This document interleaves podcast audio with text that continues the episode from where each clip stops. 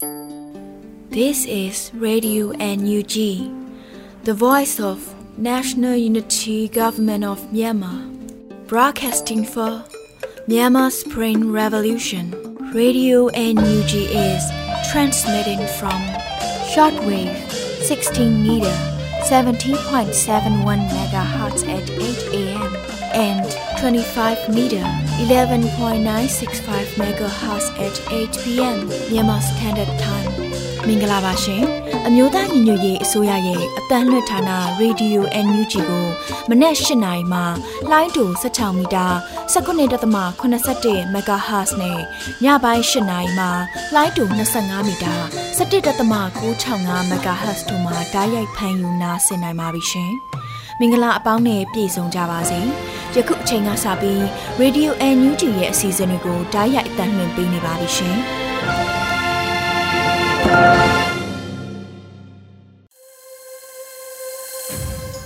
ရေဒီယိုအန်ယူဂျီကိုနာတော်တာဆင်နေတဲ့ပရိသတ်များမင်္ဂလာနေ့လည်ခင်းပါရှင်။ကျမတို့ရဲ့တိုးချက်ထုတ်လွှင့်မှုစီစဉ်ဖြစ်တဲ့နေ့လည်ခင်းစီစဉ်လေးကိုစတင်ထုတ်လွှင့်ပေးတော့မှာဖြစ်ပါတယ်။ဒီနေ့နေ့လည်ခင်းမှာတင်ဆက်ပေးဖို့ရှိနေတဲ့အကြောင်းအရာတွေကတော့နောက်ဆုံးရသတင်းကျင်းတွေ မုံမခသတင်းမြင်ကွင်းစောင်းပါနဲ့အတူအမျိုးသားနေ့အထူးစီစဉ်စောင်းပါတို့ကိုနားဆင်ကြမှာဖြစ်တယ်လို့တခြားစိတ်ဝင်စားဖွယ်ရာအစီအစဉ်တွေကိုလည်းထည့်သွင်းထုတ်လွှင့်ပေးသွားမှာဖြစ်ပါတယ်။ကျမကတော့နူရှူပါပါ။အခုပထမဆုံးအနေနဲ့နောက်ဆုံးရသတင်းကြီးတွေကိုတင်ဆက်ပေးမှာပါ။နေဦးမှုမှဖတ်ကြားတင်ပြပေးမှာဖြစ်ပါတယ်ရှင်။ဟုတ်ကဲ့ပါ။နေ့လည်ခင်းသတင်းများကိုတင်ဆက်ပေးသွားမှာဖြစ်ပါတယ်။ဆရာမုံရအောင်ရှင်ကွယ်လွန်ခြင်းအတွက် ဝမ်းနည်းခြင်းတဝန်လွှာတစ်စောင်ကို အမျိုးသားဒီမိုကရေစီအဖွဲ့ချုပ်ဗဟိုအလုပ်ကော်မတီကထုတ်ပြန်ခဲ့ပါတယ်။ထုတ်ပြန်ချက်အပြည့်အစုံမှာနိုဝင်ဘာလ28ရက်နေ့မှာကွယ်လွန်သွားတဲ့အမျိုးသားဒီမိုကရေစီအဖွဲ့ချုပ်ဗဟိုကော်မတီဝင်ဗဟိုပြန်ကြားရေးကော်မတီအတွင်းရေးမှူးဒီလိုင်းစာဆောင်တာဝန်ခံအက်ဒီတာတော်လန်ကပြဆရာမုံရအောင်ရှင်89နှစ်တည်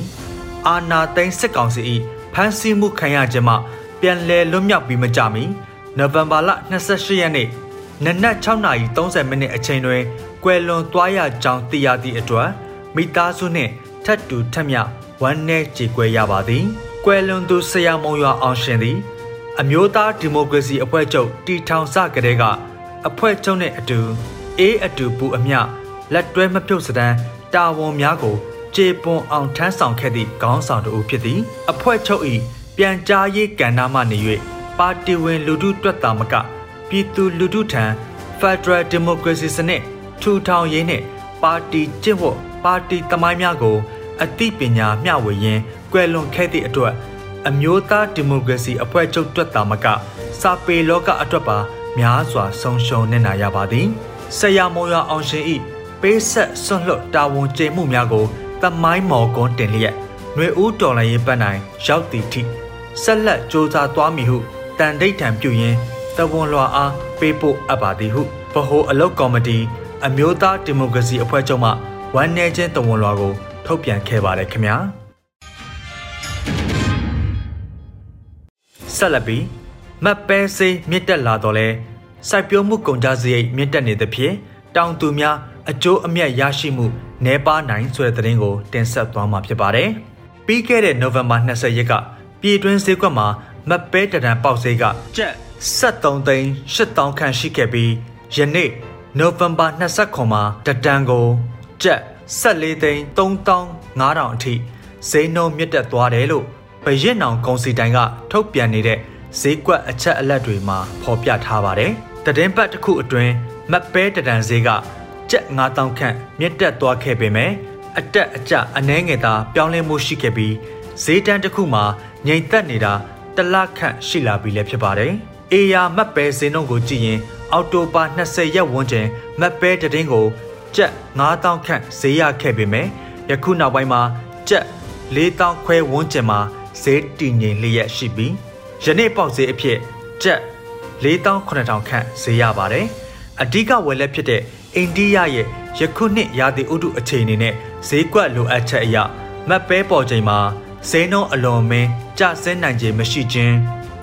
ပြည်တွင်းမတ်ပဲလက်ကျန်နေပါနေခြင်းတို့ကြောင့်ဈေးကောင်းရနိုင်မယ်လို့ခန့်မှန်းထားကြပါတယ်။သို့ပေမဲ့ယခုနှစ်မတ်ပဲစိုက်ရာသီမှာတောင်သူများအနေနဲ့မျိုးအပါအဝင်သွင်းအားစုများတည်ယူပို့ဆောင်ခလောင်စာစီစေးအစရှိတာတွေကိုဈေးနှုန်းအမြင့်နဲ့ဝယ်ယူသုံးစွဲနေရလို့ရခင်နှစ်တွေထက်အကျိုးအမြတ်ရရှိမှုနည်းပါးနိုင်တယ်လို့ အေယာကုန်သွယ်မှုဗဟိုဌာနကပြောပါတယ်။ဒါအပြင်အိန္ဒိယအစိုးရက၎င်းတို့ရဲ့ပြည်သူများတက်တာချောင်ချရေးကိုအစင်တစိုက်ဆောင်ရွက်နေတာကြောင့်တင်သွင်းခွင့်ကာလအတိုးအလျှော့တိုးလောင်ခွင့်ကန့်သက်ချက်စတဲ့နီလန်းများနဲ့မတ်ပဲဈေးကိုထိန်းညှိနေမှာကို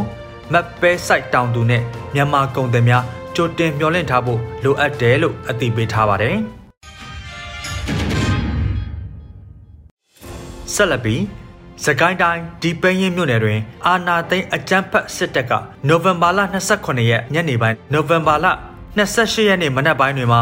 လေကြောင်းတိုက်ခတ်မှုများပြုလုပ်ခဲ့ကြပါတယ်။ညနေပိုင်း၄နာရီခွဲခန့်မှစတင်ပြီးညောင်လှကျေးရွာနှင့်အနီးတစ်ဝိုက်မှာစစ်ကောင်စီတပ်ရဟတ်ရင်များကပြစ်ခတ်တိုက်ခတ်ခဲ့တဲ့ဖြစ်ကျေးရွာဒေသခံ9ဦးထပ်မံတေဆုံးနိုင်ကြောင်းဒေသခံကာကွယ်ရေးအဖွဲ့များကပြောပါတယ်။ဒါအပြင်ညောင်လှကျေးရွာအပါအဝင် အနီးဝန်းကျင်ရွာတွေကိုလည်းနိုဝင်ဘာလ28ရက်နေ့မနက်ပိုင်းလက်နက်ကြီးများဖြင့်ဆက်လက်ပစ်ခတ်နေုံမကနေအိမ်များကိုမီးရှို့ဖျက်ဆီးခြင်းများပြုလုပ်နေကြောင်းသိရပါတယ်။ညောင်လှကျေးရွာကိုအဓိကထားလာပစ်ကြောင်း PDF တပ်တွေနဲ့နှစ်ဖက်ပစ်ခတ်တိုက်ပွဲဖြစ်ရာမှာအခုလိုလေကြောင်းတိုက်ခတ်မှုတွေပြုလုပ်ခဲ့ကြောင်းထို့သို့လေကြောင်းမှရန်တမ်းပစ်ခတ်မှုကြောင့်ပြည်သူ9ယောက်ထပ်မံကြာဆုံးသွားနိုင်တယ်လို့ဒေသခံတို့ကပြောပါတယ်။ အာနာသိမ့်မှုကိုစန့်ကျင်လျက်ရှိတဲ့ကနီကျွန်းလှဒဇယ်ကောလင်းနဲ့ရေစကြိုတို့တွင် အကြမ်းဖက်စစ်တပ်နဲ့ဒေသခံ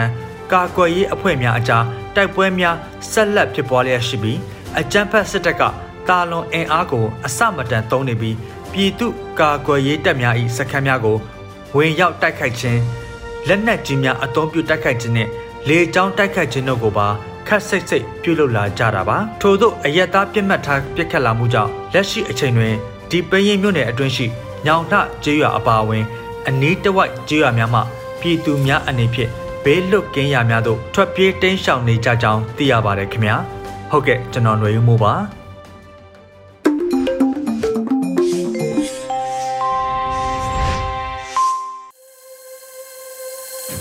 ရေဒီယိုအန်ယူဂျီရဲ့နေ့လည်ခင်းစီစဉ်လေးကိုဆက်လက်တင်ပြနေပါတယ်။အခုဆက်လက်ပြီးတော့အန်ရီရီကြားကရှင်သန်နိုင်ရေးခစ်ပြက်လူနေမှုဘဝများဆိုတဲ့ဝမခသတင်းမြင်ကွင်းစောင်းပါစီစဉ်ကိုတော့နှွေဦးဟန်နီကဖတ်ကြားပေးမှာဖြစ်ပါတယ်ရှင်။မြမပြည်မှာစစ်တပ်အာဏာသိမ်းပြီး6လ26ရက်မြောက်နေ့မြင်ကွင်း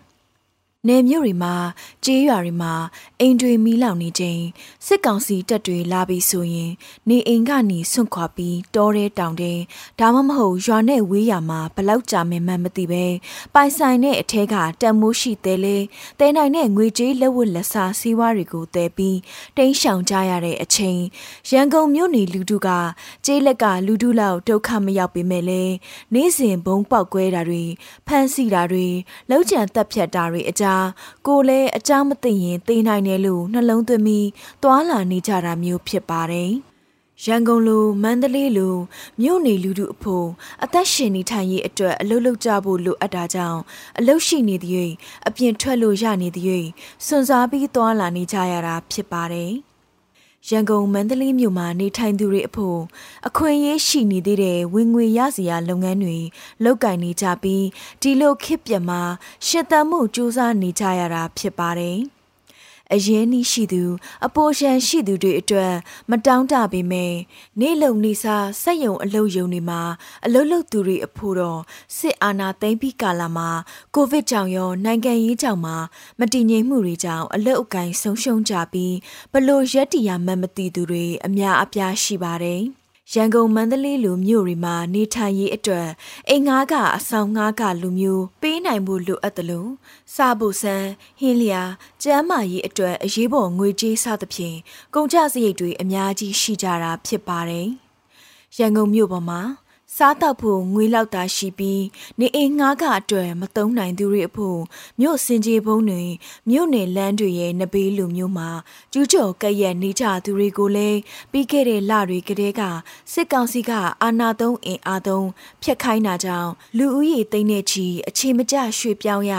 အချို့လည်းကျေးလက်တွေစီပြန်ကြရတဲ့အနေအထားဖြစ်ပါတယ်။ချ ကျေးရွာတွင်တောနယ်တွေကလူတူကတော့ကိုရီစိုက်ပျိုးထားတဲ့စပားကင်းပဲကင်းနှမ်းကင်းရိတ်သိမ်းချိန်ရောက်ပြီမဲ့လဲအဲ့ဒီနေရာတွေမအေးချမ်းသေးရင်ရိတ်သိမ်းမှုအခွင့်မသာတဲ့အဖြစ်တွေနဲ့ကြုံနေကြရတာဖြစ်ပါတယ်။ နေအိမ်တွေဆွတ်ခွာထွက်ပြေးကြရတဲ့အခြေအနေမျိုးမှာနေအိမ်မှာတူလောင်ထားတဲ့စံစပါးရိတ်ခါတွေအတွက်အိမ်မွေးတရိတ်ဆန်တွေအကုန်မတည်သွားနိုင်တာကြောင့်စစ်ကောင်စီတပ်တွေကယူနိုင်နာယူတတ်စားတာတတ်စားပြီးကျန်နာတွေဖျက်ဆီးသွားနိုင်တဲ့အဖြစ်တွေလည်းနေ့စဉ်လိုဖြစ်ပျက်နေတာဖြစ်ပါတယ်။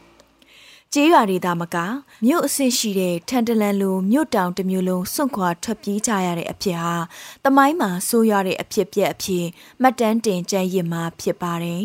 ။ဒီအခြေအနေတွေကိုလေ့လာကြည့်ရင်အသက်ဘေးလုံခြုံရေးကပ်ဘေးနဲ့အတူရိတ်ခါပြက်လက်မဲ့အငတ်ဘေးလိုမျိုးအတိုင်းအတာတစ်ခုထိကြာရောက်လာနိုင်ကြလဲရှိနေတာသတိပြုမိမှာဖြစ်ပါတယ်။ အခုနှစ်စိုက်ပျိုးရာသီမှာမစိုက်ပျိုးနိုင်ခဲ့ကြတဲ့လေယာတွေတောင်ယာတွေစိုက်ခင်းတွေစိုက်ပျိုးစရိတ်ကြီးမြင့်ပြီးထွက်ကုန်ကြမတင်ပို့နိုင်တဲ့အခြေအနေတွေစိုက်ပျိုးပြီးလုံခြုံရေးအခြေအနေကြောင့်မရိတ်သိမ်းနိုင်တဲ့လေတွေယာတွေဘလောက်ရှိမလဲဆိုတာစည်ရင်ပြုစုနိုင်တဲ့အနေအထားမရှိပေမယ့်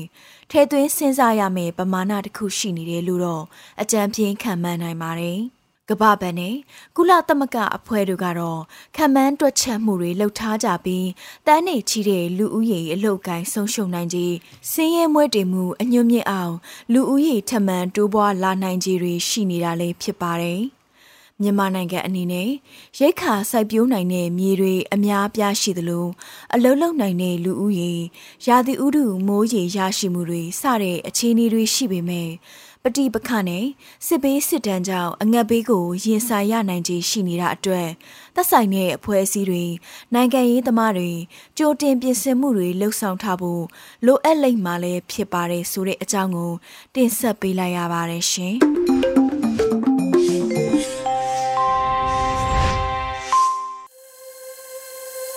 ဒီခါမှာတော့တော်လှန်ရေးကြပြအစီအစဉ်ကိုထုတ်လွှင့်ပေးမှာဖြစ်ပါတယ်။ဒီနေ့ရဲ့တော်လှန်ရေးကြပြမှာတော့ဆရာကြီးဒေါက်တာဇော်ဝေဆိုရဲ့ငါတို့အသင်ဖြစ်ပြီးဆိုတဲ့တော်လှန်ရေးကြပြကိုနားဆင်ကြရမှာဖြစ်ပါတယ်။နောက်ဆုံး strategy ဖြစ်တဲ့နောက်ဆုံးနည်းဗျူဟာဖြစ်တဲ့ပြည်သူခုခံတော်လှန်စစ်နဲ့ပတ်သက်ရင်တော့ကျွန်တော်ကြပြလေးတစ်ပုဒ်ကိုကျွန်တော်ရွတ်ပြရပါလူသူအင်အားစုပေါင်းထားပြီးပြီစားနပ်ရိတ်ခါစုဆောင်းထားပြီးပြီ ဓာခုတ်လှန်ထိုးတင်ယိုးပြီးပြီလက်နဲ့လေးမြပြင်ထားပြီးပြီတေနင်္ဂဗျူဟာဆင်ထားပြီးပြီပြည်ရွာအနှံ့တက်ဖြန့်ထားပြီးပြီလက်မောင်းကိုဖောက်သွေးတောက်ထားပြီးပြီမြမတမိုင်းရိုင်းစီတဲ့စစ်အာဏာရှင်လူသက်သမားတုတ်တင်ဖယ်ရှားကြတော့တိုက်မောင်းတိုက်စီဟိန်းလို့ပြည်သိမ်းတိုက်ပွဲ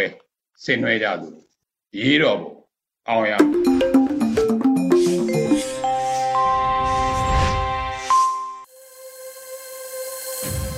ဆက်လက်ပြီးတော့ဒီအပိုင်းအတွင်းမှာပြည်သူတွေကြားမှာမိသားစုတွေကြားမှာညီကိုမောင်နှမတွေကြားမှာနာကျင်ရတဲ့စိတ်ခံစားမှုတွေနဲ့အတူဝမ်းနည်းဖွယ်ရာကြော်ညာတွေကိုတွေ့မြင်နေရတာပြည်သူတွေအတိပဲဖြစ်ပါတယ်။အဲကြောင့်နေဦးတော်လှန်ရေးနဲ့ပတ်သက်ပြီးတော့ပြည်သူတွေခံစားနေရတဲ့နာကျင်ရတဲ့ကြော်ညာတွေနဲ့ပတ်သက်ပြီးတော့ညနိုးအေးကနေပြီးတော့နာကျင်ရသောကြော်ညာများဆိုတဲ့အစီအစဉ်နဲ့တင်ဆက်ပေးထားပါတယ်ရှင်။ ရပိုင်းသားသမီးအဖြစ်ကအမွေပြတ်ဆော့မော့တယ်ဆိုတဲ့ကြော်ညာတွေခဏခဏတွေ့နေရပါတယ်။အရင်ကဆိုရင်တော့ဒီလိုကြော်ညာမျိုးတွေကိုဖတ်တဲ့အခါမှာမိဘနဲ့သားသမီးစိတ်အခက်မသိဖြစ်ကြလို့အစင်မပြေဖြစ်ကြလို့ဆိုတဲ့အတွေးတောင်နဲ့ပဲခက်တဲ့တော့ကြော်ဖတ်ဖြစ်ခဲ့တာပါ။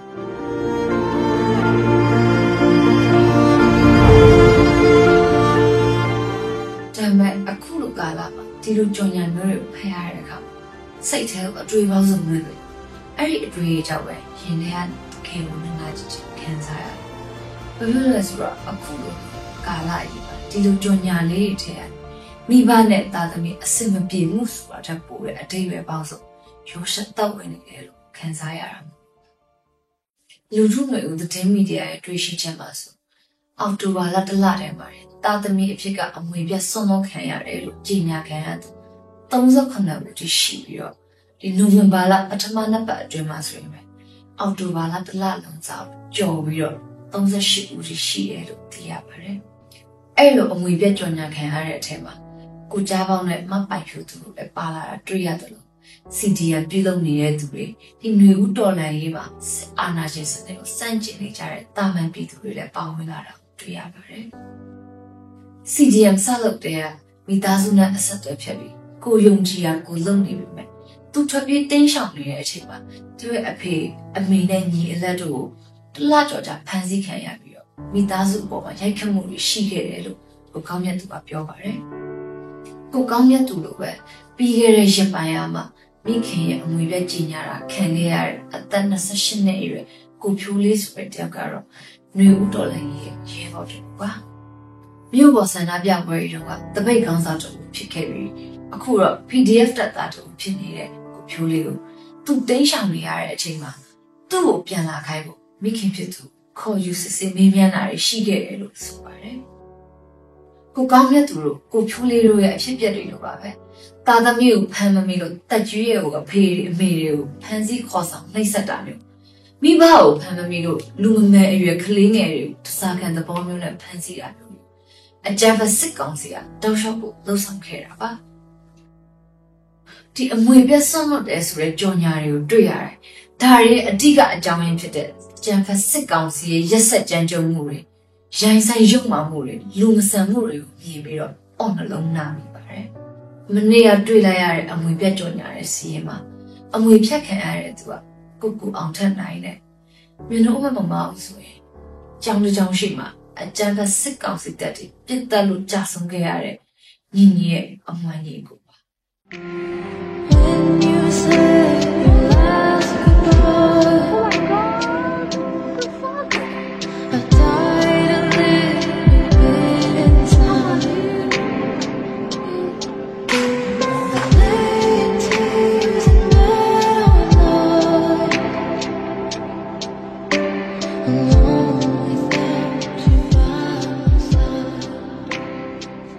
းတစ်ယောက်လုံးဆုံရှုံထားရတဲ့ မိခင်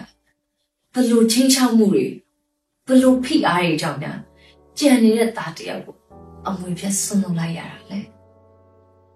အဲ့ဒီမိခင်ရဲ့ရင်ထဲကခံစားနေရတဲ့နာကျင်မှုတွေအားလုံးလည်းစာနာမိမယ်လို့ထင်ပါတယ်ဒီလိုမျိုးကြော်ညာလေးတွေတွေ့တိုင်းမိဘတွေရဲ့ရင်ထဲကနာကျင်မှုတွေကိုမြင်ရတယ်လို့သားလေးရဲ့သမီးလေးရဲ့ဆိုတတပြီးငိုကြွေးနေတဲ့အတန်လေးကိုပါ ပြန်ကြားရောက်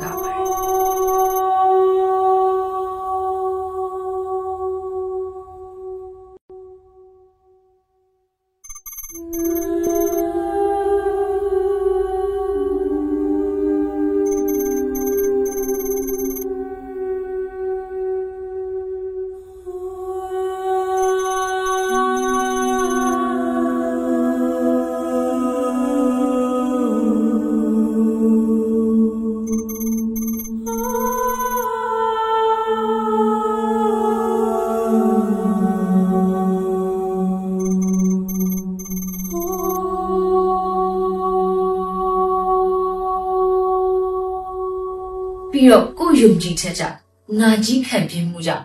စစ်အာဏာရှင်အမြင့်ဖြတ်ဖို့အဆုံးထိတိုက်မယ်လို့ခံယူထားကြတဲ့လူငယ်တွေတာသမီတွေအနေနဲ့လည်းကြံရှိနေတဲ့မိသားစုဝင်တွေမိဘတွေကိုဘလောက်တော့စိတ်ပူနေလဲရှောင်လဲအဲ့ဒီဆိုရင်ပူပန်မှုတွေနဲ့အတူမိဘကိုအမွေပြတ်ဆွန်းလို့လိုက်ပြန်တော့လဲစိတ်မကောင်းဖြစ်ကြရတယ်ဆိုတော့ကိုဖြိုးလေးရဲ့စကားတွေကအသေးခံနေပါတယ် အခုလိုမျိုးမမေတို့လုပ်လိုက်တာစိတ်ထဲမကောင်းဘူး။နောက်တော့ပတ်သက်ခွင့်မရှိတော့လို့ကျွန်တော်ကခေါ်စီရမယ်။ပွေဖက်စီရမိသားစုပြန်ရမယ်အိမ်ဘယ်မှာလဲတဲ့။ဒါကိုဖြိုးလေးပြောခဲ့တဲ့စကားတွေဒီလိုမိဘအသားသမီးကိုအမွေပြက်ကြင်ညာလိုက်လို့မိသားစုတွေအန်ဒီကင်းသွားပြီလားဆိုတော့လေမဟုတ်ပြန်ပါဘူး။သူတို့လိုချင်တဲ့သူမတွေ့တဲ့အခါ လာဖမ်းတဲ့စစ်မိတ်စာတွေကမိဘကိုတွေရန်ရှာတာမဟုတ်ပဲကြံတဲ့မိသားစုဝင်တွေကိုပါအလွတ်မပေးဘူးဆိုတာတချို့တော့ဖြစ်ပျက်တွေကတတ်သိခံနေပါတယ်ပြီးခဲ့တဲ့နိုဝင်ဘာလ12ရက်နေ့တုန်းကတဝယ်မြို့ပုံကျွန်းရဲ့ဘက်မှာ CDM လွတ်ထားတဲ့သူနာပြုဆရာမတယောက်ကိုလာရောက်ဖမ်းဆီးတဲ့စစ်မိတ်စာတွေကသူတို့လိုချင်တဲ့သူမတွေ့တော့အသက်14နှစ်နဲ့16နှစ်အရွယ်ပဲရှိသေးတဲ့မောင်ငယ်နှစ်ယောက်ကိုထိုးကျိတ်ပြီးတော့တစားခံဖြစ်ဖမ်းဆီးခေါ်ဆောင်သွားခဲ့ပါတယ် အခုလိုမျိုးလူမှုကွန်ရက်စာမျက်နှာတွေမှာခက်ဆစ်စိတ်တွေ့မြင်နေရတဲ့တာသမီဖြစ်မှာအမွေပြဆွန့်လွတ်ခြင်းဆိုတဲ့ကြော်ညာတွေရဲ့နောက်မှာ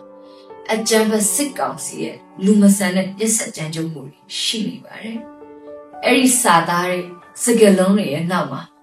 မိဘတွေရဲ့ဖြေမစင်နိုင်တဲ့နာကျင်ခံစားရမှုတွေရှိနေတယ်လို့တာသမီရဲ့စိုးရိမ်ပူပန်မှုဝမ်းနေနားလက်လက်ခံလိုက်ရတာရှိနေရဲဆိုတာသိချ ပါပဲ။ဘာပဲဖြစ်ဖြစ်ပါဒီလိုအဖြစ်ပြက်တဲ့အဆုံးသတ်ကိုမင်းတို့တွေတရက်မှမနာပဲကိုနိုင်တဲ့ဖက်ကနေစစ်အာဏာရှင်ကိုတော်လှန်နေကြရမယ်လို့မင်းတို့ခံယူပါတယ်။တနေ့နေ့မှာဓမ္မအောင်ဝက်ခံပြီးဒီလိုနာကျင်ခံစားရတဲ့ကြော်ညာမျိုးတွေနေရပါပြန်လဲစုံစည်းချင်းနေရတာနေရာယူလာရမယ်လို့ပြောပြပါတယ်။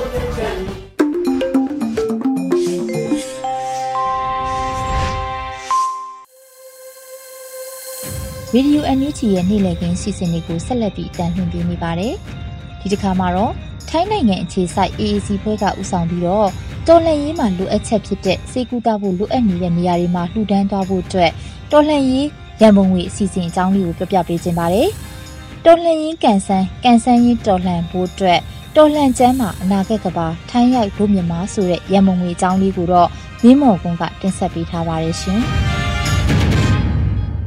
လန်ကျမ်းမှာအနာဂတ်ကဘာထိုင်းရောက်ဒုမြန်မာအစီအစဉ်ကနေပြီးတော့ကြိုဆိုပါရစေ။ဒီအစီအစဉ်လေးရဲ့ရည်ရွယ်ချက်ကကျွန်တော်တို့တော်လန်ရေးမှာလိုအပ်ချက်တစ်ခုဖြစ်တဲ့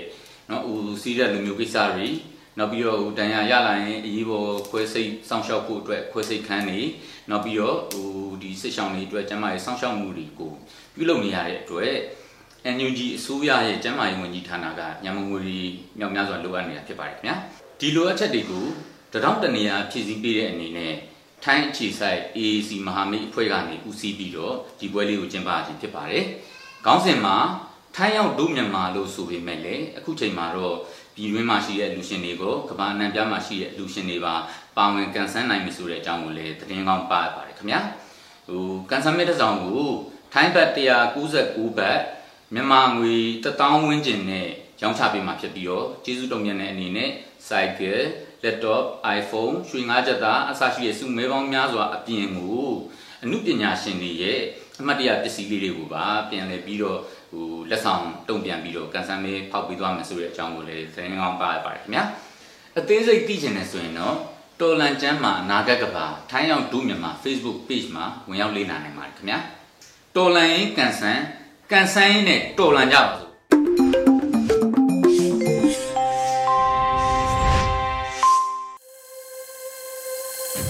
ဒီနေ့နေ့လည်ကင်းရဲ့နောက်ဆုံးအစီအစဉ်ကိုတော့အမျိုးသားနေ့အထူးအစီအစဉ်စောင်းပါတစ်ပုဒ်နဲ့တင်ဆက်ပေးခြင်းပါတယ်။မြမတို့ရဲ့ရတနာဘုံနှီးပြီးတော့ဟာကိုထီကိုနန်းကိုကျနန်းနဲ့မင်းနှီးပြီးတော့ဖြစ်ခဲ့ပေမဲ့1885ကစပြီးတော့သူ့ကြုံဘဝကိုရောက်ခဲ့ရပုံကစလို့မြမသမိုင်းတစ်လျှောက်မှာလွတ်လပ်ရေးရအောင်တိုက်ပွဲဝင်ဆန္ဒပြခဲ့တာတွေရဲ့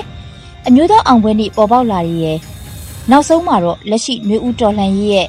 စစ်တပ်ရဲ့မတရားအာဏာသိမ်းပိုက်မှုရဲ့နောက်မှာစစ်ကြုံပညာရေးကိုတိုက်ပွဲဝင်နေကြတဲ့ပြည်သူတွေအတွက်အမျိုးသားအောင်ပွဲနေ့နဲ့မန္တလေးဆိုတဲ့အထူးဆောင်ပါကိုတော့ပသိမ်ကြီးမောင်တန်းစင်ကတင်ဆက်ပေးထားပါတယ်ရှင်။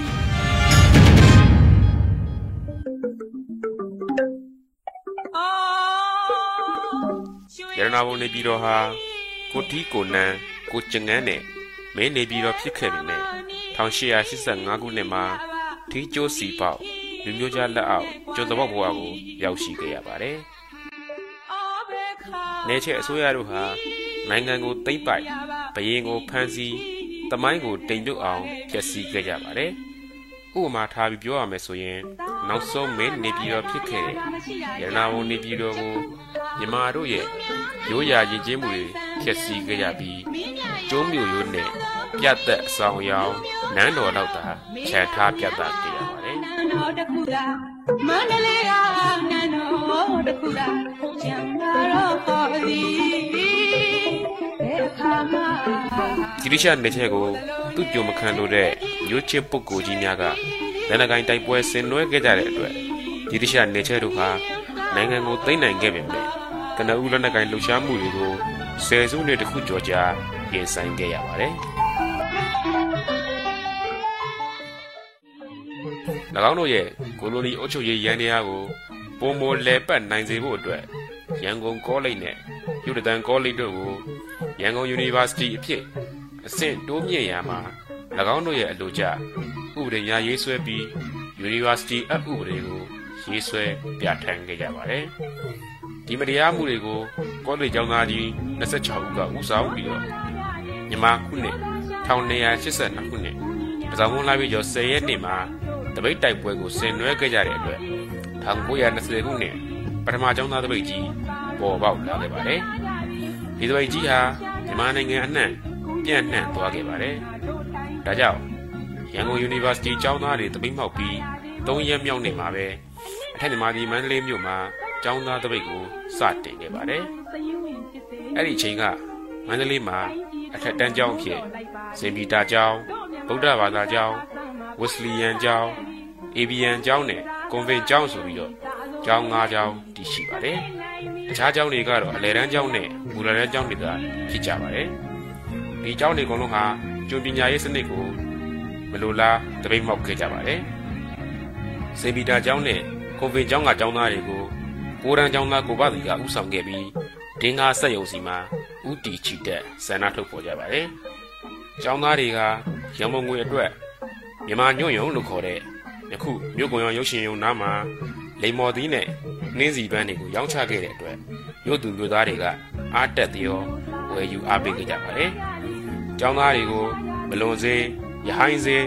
ဈေးကြော်တော်တို့ကနေမြင်းရထားနဲ့လာရောက်ပြီးတော့ကျွေးမွေးပြုစုအားပေးခဲ့ကြပါတယ်။ဒီလို University ကျောင်းသားတွေရဲ့တပိတ်ကြီးကအစတင်ခဲ့တဲ့တပိတ်တိုက်ပွဲတွေကြောင့်မြန်မာနိုင်ငံအနှံ့မှာအမျိုးသားကျောင်းတွေ ပေါ်ပေါက်လာခဲ့ပါတယ်။မန္တလေးမှာလည်းဆရာကြီးဥရဇက်ဥဆောင်တဲ့မန္တလေးဗဟိုမျိုးသားထက်တန်းကျောင်းပါဝင်အမျိုးသားကျောင်းများဖွင့်လှစ်နိုင်ခဲ့ပါတယ်။ဒါပြင်မန္တလေးမြို့သားဘိုးစီဥပဦးမန္တလေးတောင်ကရသေးကြီးဥခန့်ဒီနဲ့ကြောက်စာဝန်တော်စိန်ခိုတို့ရဲ့တောင်းဆိုထောက်ခံမှုတွေနဲ့1925ခုနှစ်မှာမန္တလေးတောင်ပြင်မင်္ဂလာတကားတက်တဲ့ကဘောဒီကုန်းရက်မှာတည်ရှိတဲ့ စိုက်ပျိုးရေးသိပ္ပံဝင်းအတွင်းမှာတစ်ထက်အုပ်တိုက်အမည်နဲ့မန္တလေးဥပစာကောလိပ်ကိုစတင်ဖွင့်လှစ်နိုင်ခဲ့ပါတယ်။ဒါကြောင့်ရန်ကုန် University ကျောင်းသားတွေဒိုင်းမောက်မှုကတနိုင်ငံလုံးကိုလူသားရေးစိတ်တဲ့လူကြားလာစေခဲ့တာဟာနောက်တစ်ချိန်မြမသမိုင်းမှာတန်ဖိုးရှိတဲ့နိုင်ငံသားကောင်းတွေပေါ်ထွက်လာ၏အတွက်အုပ်ရစ်တစ်ခုချပေးခဲ့ပြီးဟုတ်ပါလားညာ။ဒီတပိတ်တိုက်ပွဲကြောင့်ဒီသူလူလူရဲ့တိမ်မြုပ်နေခဲ့တဲ့ သူ့ကြုံမခံလို့စိတ်မတရားမှုကိုစန့်ကျင်လို့စိတ်မျိုးသားစိတ်ဓာတ်များလိုးကြားလာနေခဲ့ရမှာတိုင်းပြည်လွတ်လပ်ရေးမီးရှူးတစ်ကောင်ဖြစ်ခဲ့တယ်။ဒါကြောင့်ကောလိပ်ကျောင်းသားကြီးတွေတပိတ်မောက်ထွက်ခဲ့ကြတယ်။ဒါမောင်လာပြီးကျော်10ရက်နေ့ကိုမျိုးသားအောင်ပွဲနေ့အဖြစ်သတ်မှတ်ကိုပြုခဲ့ကြပါတယ်။ဒါကြောင့်တိုးတက်တဲ့အရေးရှိတဲ့ဒီခေတ်ကျောင်းသားလူငယ်တို့ကလည်းမတရားတဲ့ဆရာအနာရှင်စနစ်နဲ့ စစ်ကြုံပညာရေးကိုအပြစ်ဖြစ်ပြီးဖက်ဒရယ်ဒီမိုကရေစီရရှိရေးကိုမျိုးသားရေးကိစ္စအဖြစ်သတ်မှတ်ပြီးဆက်လက်တောင်းဆိုတိုက်ပွဲဝင်ကြတာဖြစ်ပါတယ်။ဒါဟာလည်းနောက်တစ်ခေတ်မှာသမိုင်းသစ်အဖြစ်ကတိမှတ်တမ်းတင်နေမှာသေချာကြောင်းပါဗျာ။ရေးတော်အောင်ရအာနာရှင်မောင်းတော့ကြမယ်လို့ရှိလို့ရှိပြည်သူတွေကပ်ပတ်ကြမယ်လို့ရှိလို့ရှိ တမောရေတို့သူဒီမတရားအတွက်ရဲရင်မို့လို့ဒီအာနာရှင်မောင်းတော့ကြမယ်လို့ရှိလို့ရှိပြည်သူတွေကပ်ပတ်ကြမယ်လို့ရှိလို့ရှိတမောရေတို့သူဒီမ